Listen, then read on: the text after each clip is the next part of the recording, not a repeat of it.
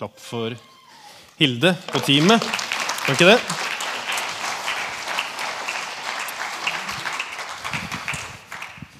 Så jeg liksom fjerner ting, så jeg ikke snubler i noe.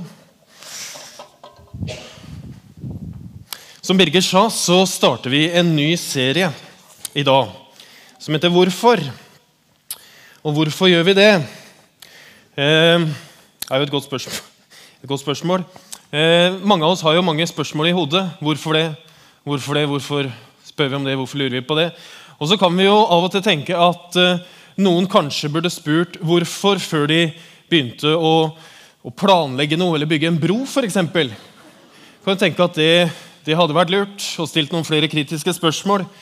Og så har jeg tenkt på det hvis man da reiser bort og tenker at nå setter vi bort resten av jobben som vi skal gjøre hjemme, og setter bort det til liksom noen snekkere og for å få garasjen på plass, så kunne vi også sikra oss at de hadde liksom gjort litt bedre research på hvor den, hvor, hvor, hvor den eh, garasjen skulle stå. Og vi driver, og, For vi skal flytte hjemme hos oss. altså Vi skal flytte fra et hus til et annet.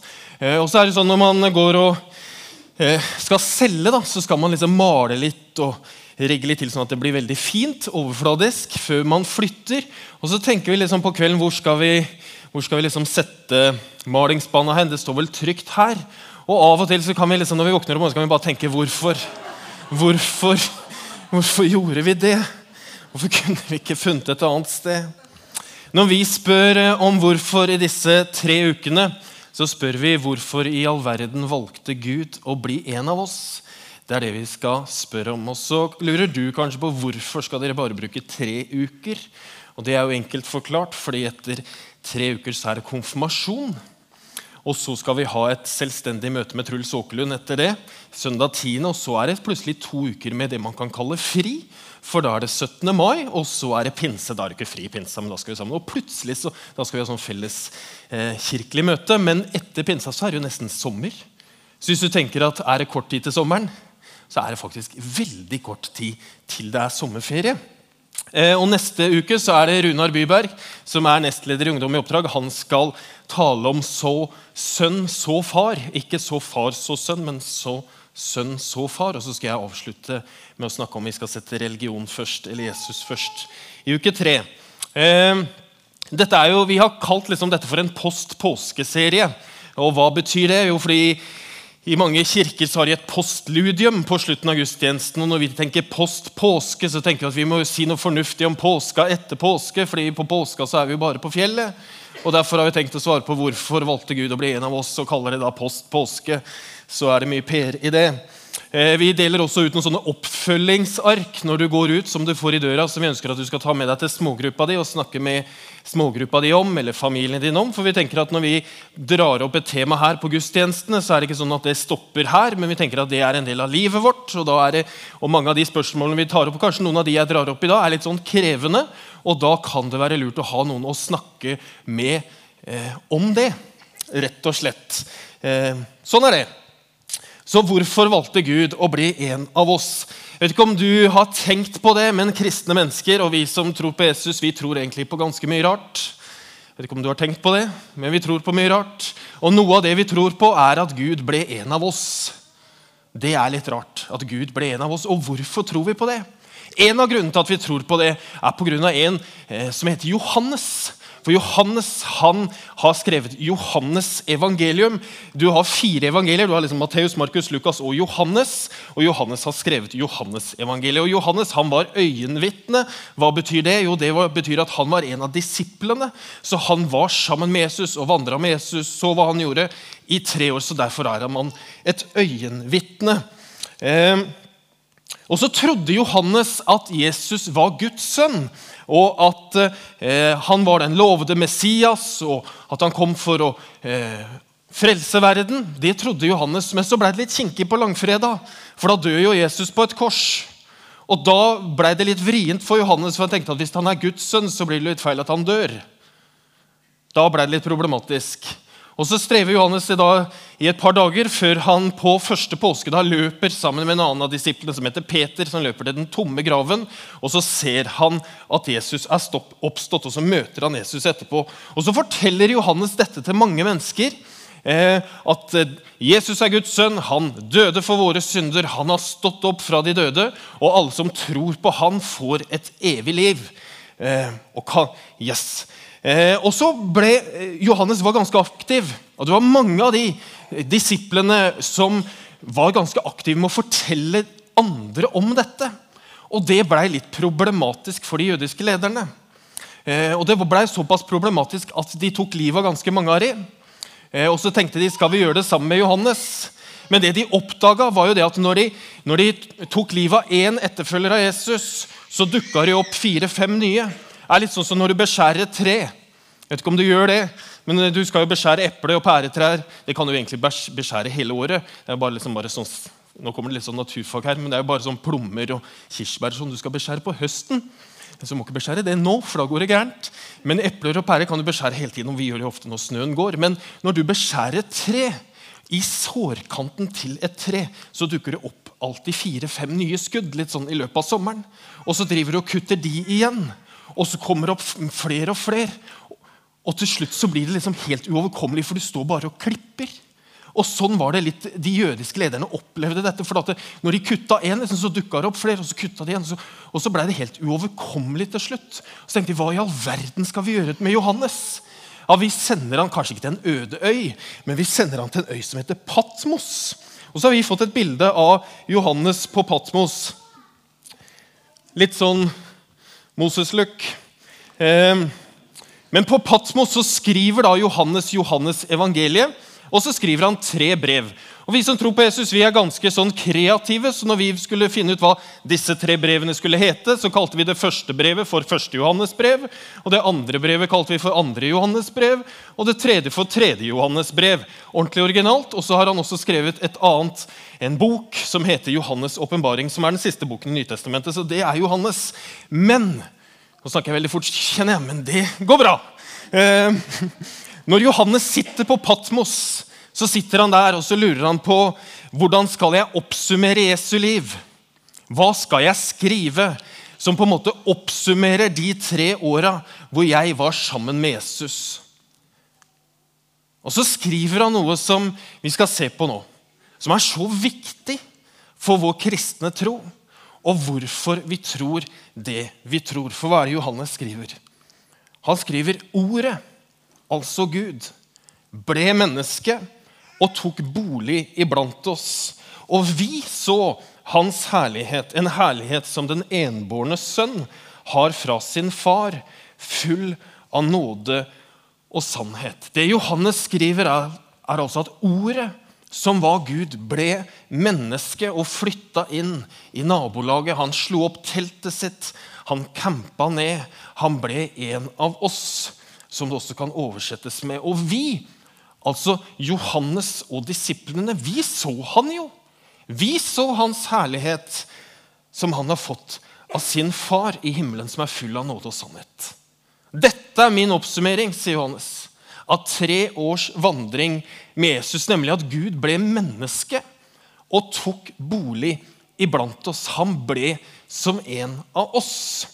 Og så tenker jeg Tenk hvis det er sant. Tenk hvis det er sant, det Johannes skriver. Det er jo det vi skal forsøke oss å se litt på disse tre ukene. For hvis det er sant, hvorfor skjedde det? Og hvorfor i all verden valgte Gud å bli en av oss? Var ingen som forventa dette.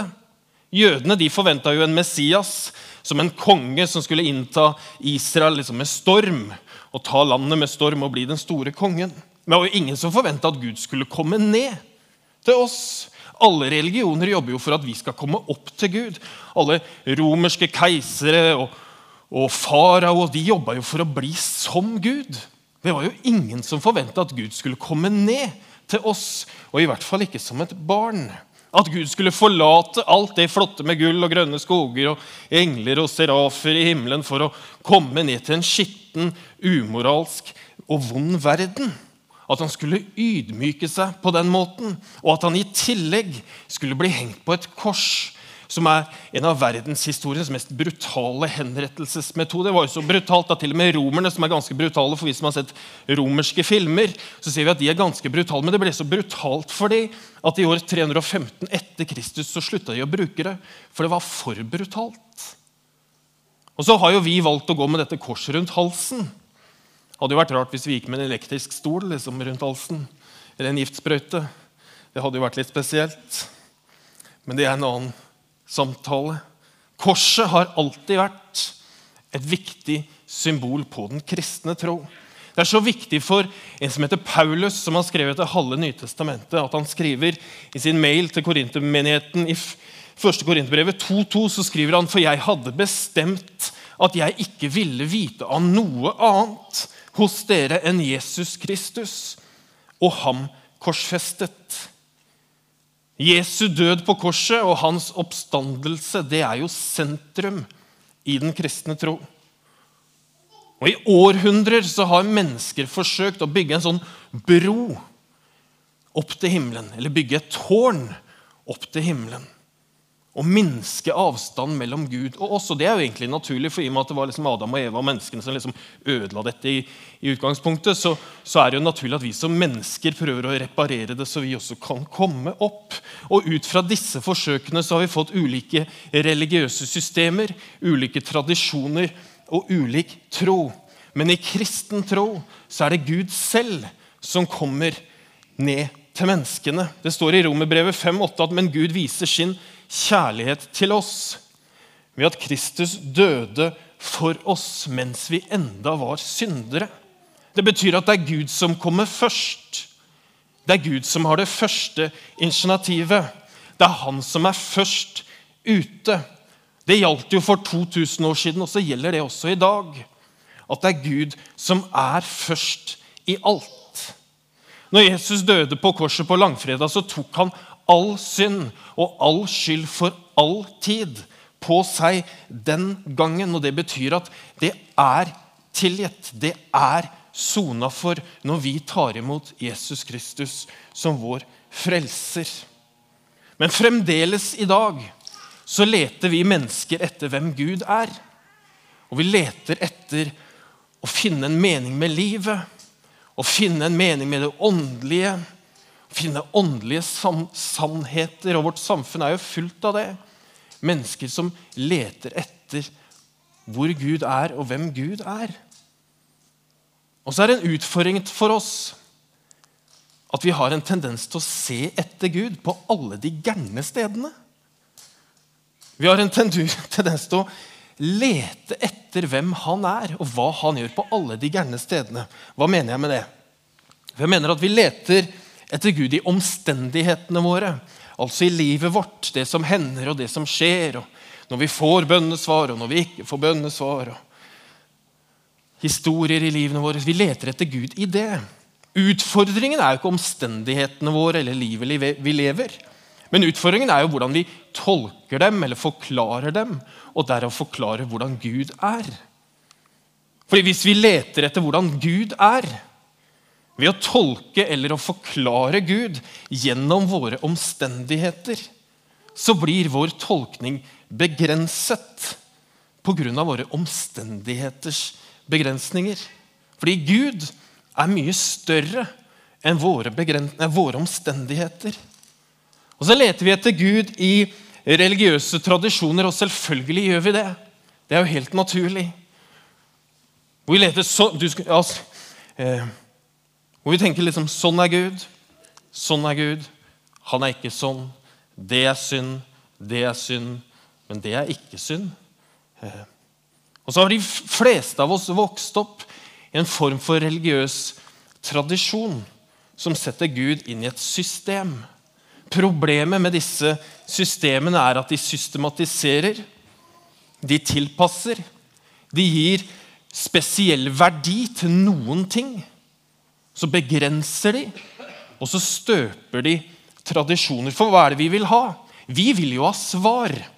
Alle religiøse systemer er jo opptatt av å svare på hvorfor og gi et svar, og helst ja eller nei. Det er jo ingen systemer som sier 'vet du hva, jeg vet ikke'. Alle systemer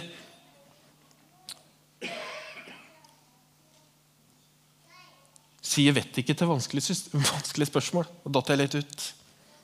For at I stedet så sier vi 'Bibelen sier', eller 'Trosbekjennelsen vår sier', eller 'Kirkefedrene i 314 sa på kirkemøtet', eller 'Paulus skriver', eller 'Gud har sagt', eller Og så vil vi ha svar på spørsmålene våre, på hvorfor. Og så lager vi systemer. Også jeg elsker jo systemer. Jeg er jo kjempeglad i systemer. Jeg er jo helt avhengig av alle de systemene jeg har. Jeg har masse. Problemet er at vi har laga noen systemer for hvordan vi skal tolke Gud.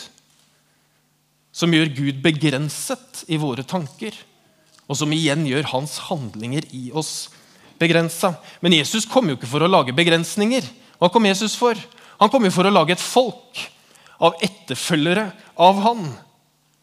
Og problemet Når vi lager systemer og baserer livet vårt på systemer, så kommer jo stadig vekk nye spørsmål som de systemene vi hadde laga, ikke kan svare på. Og Da blir jo systemet vårt utdatert. Og hva gjør vi da? Jo, Da blir jo svaret vårt likevel systemet eller tradisjonen for sånn som vi alltid har gjort det, og sånn som alltid vi har trodd på. Fordi vi vil jo ha våre spørsmål besvart, og når vi ikke kan svare på spørsmål, så sier vi men sånn har vi gjort det her i alle år. Sånn funker det hos oss. Det tror vi på. Vi tror sånn, vi lever sånn, vi ber sånn, vi synger sånn, vi lovpriser sånn. Og Hvis religiøse systemer eller tradisjoner er det som skal gi deg svar på hvem Gud er, så vil det over tid være veldig begrensa. Så er det jo noen av oss som er oppvokst i strenge, konservative, religiøse tradisjoner.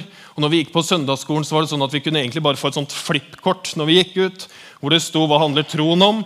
Nei, nei og nei. Og så ble Gud veldig dømmende og streng. Og så er det andre av oss som har vokst opp i et veldig liberalt system, hvor svaret på søndagsskolekortet var ja, ja og ja. Hvor vi trodde på alt mulig til enhver tid hvor alt var rett. Hele tiden, til enhver tid og under alle omstendigheter. Og så blir Gud veldig upersonlig. Andre av oss er kanskje oppvokst i en sånn politisk kirke hvor hver eneste preken var et innlegg for SV eller for Frp. Alt, men det som var felles mellom de da, var jo at den røde kluten alltid var Arbeiderpartiet. liksom. Det var alltid det verste. Og kanskje din oppvokst i et religiøst system er riktig. Men problemet er alle kan jo ikke ha rett. Det er jo ikke mulig. Og min teori er det lov å være uenig altså. Men min teori er at alle har feil. Rett og slett. Vet du hvorfor? Fordi Jesus kom ikke for å ta parti. Han kom ikke for å ta side, men han kom for å skape et folk av etterfølgere av han. Det var det han kom for. Men så skjer jo ting, kanskje, i livene våre som utfordrer de rammene og religiøse tradisjonene som vi har. For plutselig så blir foreldrene dine skilt. Og så ser du på hvordan Kirken håndterer det. Hvordan kirkelige ledere håndterer det. Og så gjør du en tolkning av hvordan Gud er, basert på hvordan Kirkens menn og kvinner håndterer det. Og Så går det en stund, kanskje, og så står broren din frem som homofil. Det er svært tema. Wow. Og så ser du igjen hvordan Kirken håndterer det. Hvordan Kirkens menn og kvinner hvisker i krokene og håndterer det. Og ut ifra hva du ser, så gjør du noen tolkninger av hvordan Gud er, basert på hvordan Kirkens ledere håndterer det. Alle vi som er her, har noen historier av hvordan et religiøst system har prega oss. Spesielt gjennom hvordan de har blitt håndtert av folk som meg, som står på plattformen og sier hvordan ting skal være. Men min påstand er at det fins en bedre måte å finne ut hvordan Gud er. Og det er å se på hva Jesus gjør, og hvem Jesus er. En tredje måte som vi kan lete etter hvordan Gud er, det er å se innover i oss selv. Problemet med å se innover i oss selv for å finne Gud i oss selv vi prøver å gjøre det, og finne liksom Gud i oss selv, Problemet med det er jo det at hva er riktig? liksom? Er det, er, det er jo forskjell på å se innover i seg selv når man er 16 år, og når man er 40. Og hva er da sannheten om Gud? Er det når jeg er 16 år, eller er det når jeg er 40? Fordi problemet med å se innover i oss selv er jo at det er begrenset hva som er på innsiden. Vi er jo veldig kloke, selvfølgelig, sånn at vi har jo masse å gå på, men, men eh, sånn er det. Så leter vi etter Gud i naturen. Naturen er jo fantastisk. Jeg er ikke akkurat sånn Lars Monsen-type, eh, men jeg er veldig glad for å være på fjellet og se på skaperverk og på fjellet og på snøen. Og fantastisk. Vi kan lære mye om Gud av å se på skaperverket. Og jeg, elsker, jeg, gleder meg nå at det er så kort tid til sommeren, for da kan jeg stå i båt i Kragerøskjærgården i flere timer langt til sjøs og bare fiske uten noe forstyrrelser. Og se på Guds storhet i naturen. Det er jo fantastisk. Problemet med skaperverket er at vi har jo en naturlov som sier at den sterkeste overlever. Og så sier du, men Martin, det stemmer jo ikke. Men veldig ofte stemmer det. Vet ikke hvor mange av dere som har hatt skvalderkål i blomsterbedet? Jeg har hatt det, og har forsøkt. og Det var, en, var faktisk en vår hvor jeg liksom tok vekk jeg følte jeg tok vekk alt i blomsterbedet. Sprøyta masse gift. Og allikevel så kommer det opp en sånn kål. Den sterkeste overlever i naturen. Problemet med naturen å bare lete etter Gud i naturen er at det finnes ikke noe nåde i naturen. Det er ikke noe tilgivelse i naturen. Det er ikke noe barmhjertighet i naturen. Det er bare rått og brutalt, rett og slett. Så det er noen ting om Gud som vi ikke vil oppdage gjennom naturen. Men Gud ville jo at du skulle vite hvordan han er. Og så kan vi lære ting om Gud ved å se på naturen, ved å se innover i oss selv, ved å se på omstendighetene våre, ved å lære av religiøse systemer. Men det får oss bare noen skritt på veien. Vet du hvorfor Gud kom til jorda gjennom Jesus? For Han kom for å fortelle oss og for å vise oss hvem og hvordan Gud er. Gud er så interessert i deg at han gjorde seg så personlig som mulig. Jeg vil at du skal vite så mye om meg som mulig. Og jeg vil gjøre meg så lik deg som mulig, sånn at du skal få se hvem jeg er. Men i stedet for at du må se oppover og utover, så bestemte jeg meg for å komme ned og inn, sånn at du skal lære å kjenne meg. Og så vil jeg ikke at du skal gjette på hvem jeg er, for jeg vil at du skal kjenne meg. Og derfor kommer jeg ned og inn. Jesus påsto ikke at han hadde den beste forklaringen på hvem Gud er, men han påsto å være den beste forklaringen. Dette er så viktig. Fordi Jesus kommer og sier at du, jeg er forklaringen, og så kan du rote deg bort i masse greier. Men se på meg. Se hva jeg gjør. Se hva jeg sier. Og så vil du se hvem jeg er. For hvis vi går glipp av Jesus, så går vi glipp av hvem Gud er. Og når vi går glipp av det, så går vi kanskje også glipp av hva Gud vil gjøre i oss og gjennom oss. Det er Jesus som er sentrum for vår kristne tro. Jesus, nei, og Gud ga oss vitenskapen, så vi kan dykke ned og se storheten i skaperverket og i alt han har skapt. Han har gitt oss et intellekt, han har gitt oss en kritisk sans, så vi skal tenke over og vurdere og stille spørsmål og lure på hvorfor i all verden. Det har Gud gitt oss. Han har gitt oss muligheten til å systematisere og observere og lære. Men han sendte sønnen sin til jorda for at vi skulle se hvem Gud er. Fordi Jesus kom først til oss. Han kommer først til deg. Det er ikke sånn at du trenger å løpe rundt og leite etter hvor er Jesus, liksom. Fordi han kommer til deg og banker på hjertet ditt. Fordi han har kommet ned først. Og det eneste vi trenger å gjøre, er å si, 'Herre, her er jeg. Jeg ønsker å følge deg. Jeg ønsker å vite hvem du er. Jeg ønsker å lære å kjenne deg, Jesus. Kan du lede meg på veien?' Gjennom alle spørsmålene jeg har. Gjennom all tvilen min. Gjennom all tro. Vis meg, Herre, hvem du er. Skal vi be. Herre, takk for at vi får lov til å stille spørsmål.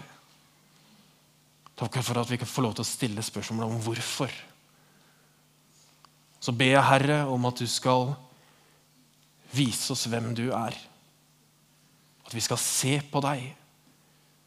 Vi skal ikke se så mye på mennesker, men vi skal se på deg. Det ber jeg om. Så vet ikke jeg hvor dette lander, Herre. Men jeg ber om at du skal gi oss visdom til å vite hva vi skal gjøre med det vi har hørt. I Jesu navn. Amen. Da skal vi reise oss, og så skal vi synge noen sanger sammen. Og Da er det greit å stå først, for det er sånn at nå har du mulighet til å gå rundt i rommet, og så har du mulighet til å tenne noen lys i lysgloben bak der for noen du tenker på, eller noen du bryr deg om, eller for et bønneemne du har. Så har du også mulighet til å skrive en bønnelapp foran miksepulten. Og så vil vi be for det anonymt på slutten av møtet. Hvis du er her og kjenner at vet du hva, jeg trenger at noen legger hånden på meg og ber en kort bønn for meg, så kan du gå bak i høyre hjørne, og så vil det være noen der og be for deg.